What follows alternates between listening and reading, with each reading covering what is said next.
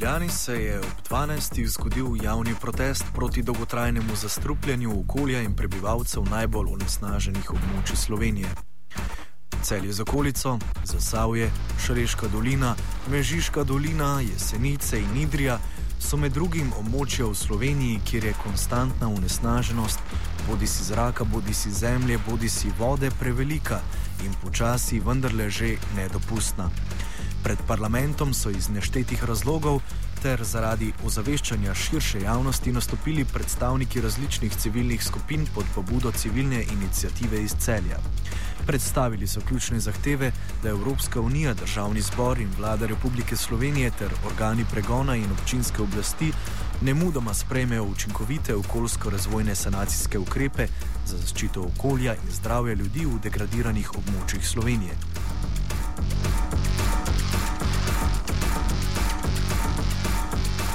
Govorili smo z Borisom Šuštarjem iz civilne inicijative Celje, ki nam je povedal, kako je bilo na protestu in kako gleda na okoljsko problematiko civilna inicijativa iz Celja. Odgovarja torej Boris Šuštar.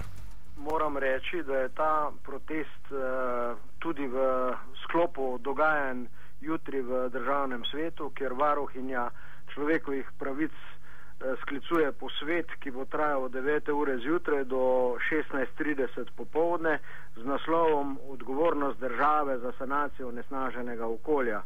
Okolje celske kotline je izjemno uh, degradirano kot posledica eh, industrijskega onesnaževanja skozi zgodovino in seveda aktualnih onesnaženj, ki so iz kemične industrije v celju, predvsem cinkarna celje, tudi sežigalnice komunalnih odpadkov in še kar nekaj drugih večjih onesnaževalcev je v celju. E, mi vse skozi upozarjamo, da je onesnažen zrak, to tudi stroka upozarja, e, najbolj obremenjujoč za zdravje ljudi. E, kar, kar e, več kot 50 odstotkov uh, obolen dihal v celski kotlini oziroma v pravni enoti celje tudi dokazuje.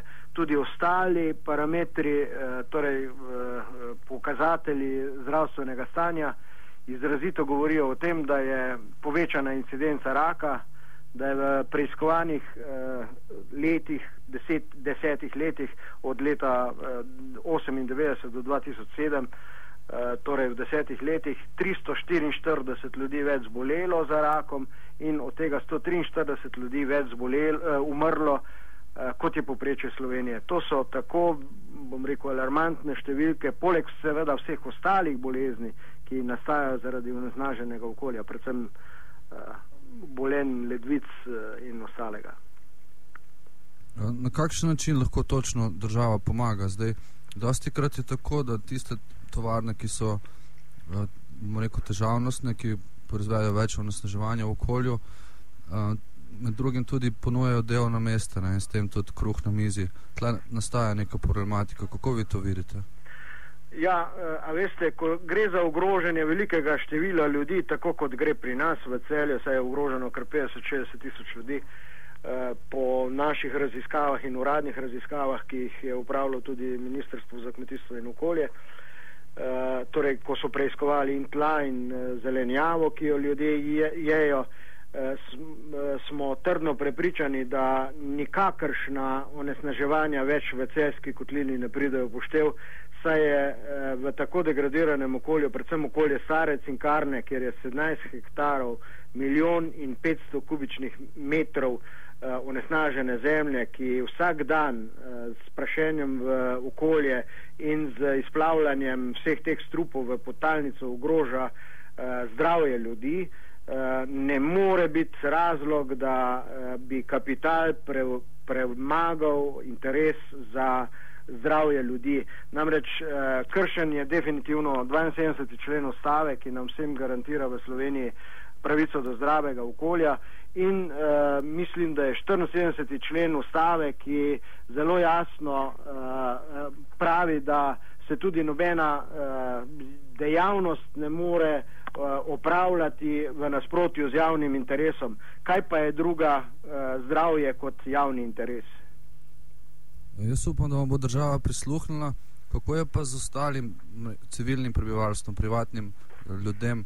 kako oni gledajo na to, oziroma kaj se mora storiti, da bodo ljudje uh, bolj, kako bi rekel, bolj prijazno delovali do okolja, v katerem živijo.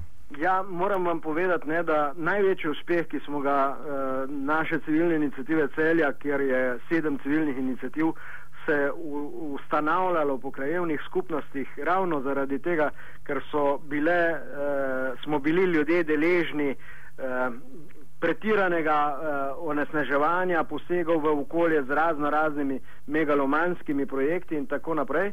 Uh, smo uh, seveda se združili v skupnem interesu uh, za boljše stanje okolja, predvsem za naše otroke in nuke. Za nas, ta starejše, uh, je uh, dejansko že vse prepozno. Uh, a veste, premagati ta, to zanikanje problemov je zame največji uspeh, ko je lokalna skupnost in seveda tudi uprava cinkarne v celoti zanikala, da je karkoli narobe z okoljem, torej da so vse to stara bremena, to dejansko ni res. Eminentni znanstveniki, ki so sodelovali v projektu ciljnega razvojnega eh, programa, ki ga je vodila eh, dr. Cvetka Ribarič Lastnik, so zelo eh, jasno napisali, torej, da gre dejansko ja, za stara bremena, torej onesnažene posledice industrijskega onesnaževanja v preteklosti, vendar tudi za aktualno onesnaženje. Torej, tudi, aktu, tudi sanacija starih bremen je brezpredmetna, če se ne bo preprečilo, preprečilo tudi aktualno onesnaževanje okolja samo z zavedanjem širših množic bo, se bo razširjalo tudi vedenje o tem problemu in eh, da bodo ljudje spoznali, kako se morajo vesti v tako degradiranem in onesnaženem okolju. Sporedno pa je potekal tudi zaključek projekta Slovenija znižuje CO2 dobre prakse, ki ga je izpeljala organizacija Umanotera. Več o projektu nam je povedala Renata Karba iz Umanotere. Slovenija znižuje CO2 je m, mm, projekt, v katerem smo predstavljali uh, dobre prakse na različnih področjih in sicer dobre prakse, m, mm, ki predstavljajo možnosti za znižanje emisij toplogrednih plinov oziroma za prilagajanje na podnebne spremembe. Eh, predstavljali smo 15 eh, domačih in 5 eh, tujih dobrih praks na področjih trajnostna energetika, mobilnost, ekološko kmetijstvo, razvoj podeželja, trajnostna proizvodnja in potrošnja in pa prilagajanje na podnebne spremembe.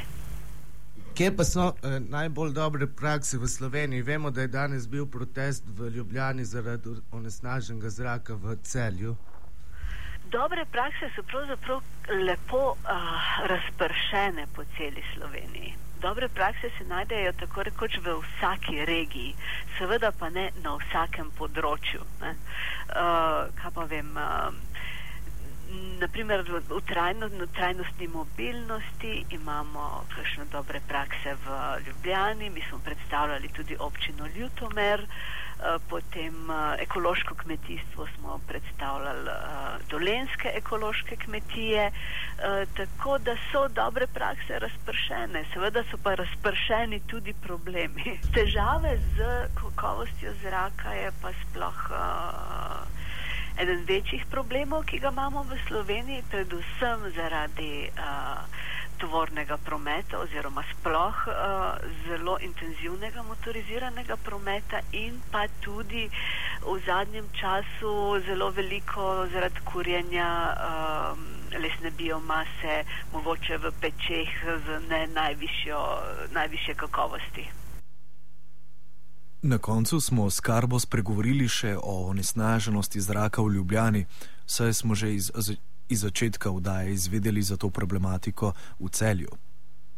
Uh, zrak v Ljubljani je dejansko problematičen.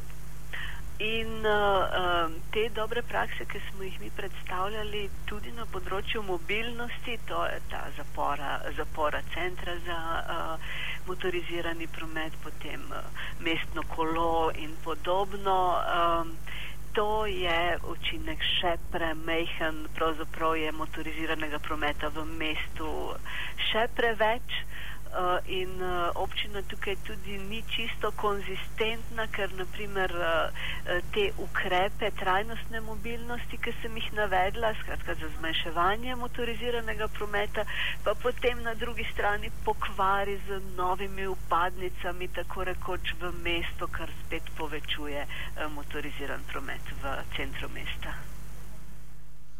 Um, samo tole bi še vprašal, kaj pa če pustimo promet, kateri, kateri so še drugi objekti, ki najbolj onesnažujejo v Ljubljani? Uh, uh, sigurno uh, toplarna in pa potem uh, industrijski objekti. Uh, kurišča sicer uh, v Ljubljani niso več toliko. Um, problematična, ker imamo pač ta sistem daljinskega ogrevanja, ki je zdaj uh, kar dobro uh, distribuiran po celem mestu, uh, uh, je pa sama toplarna še zmeri tudi problem.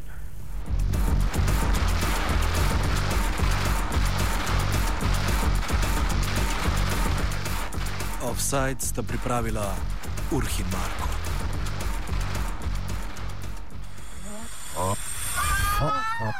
off.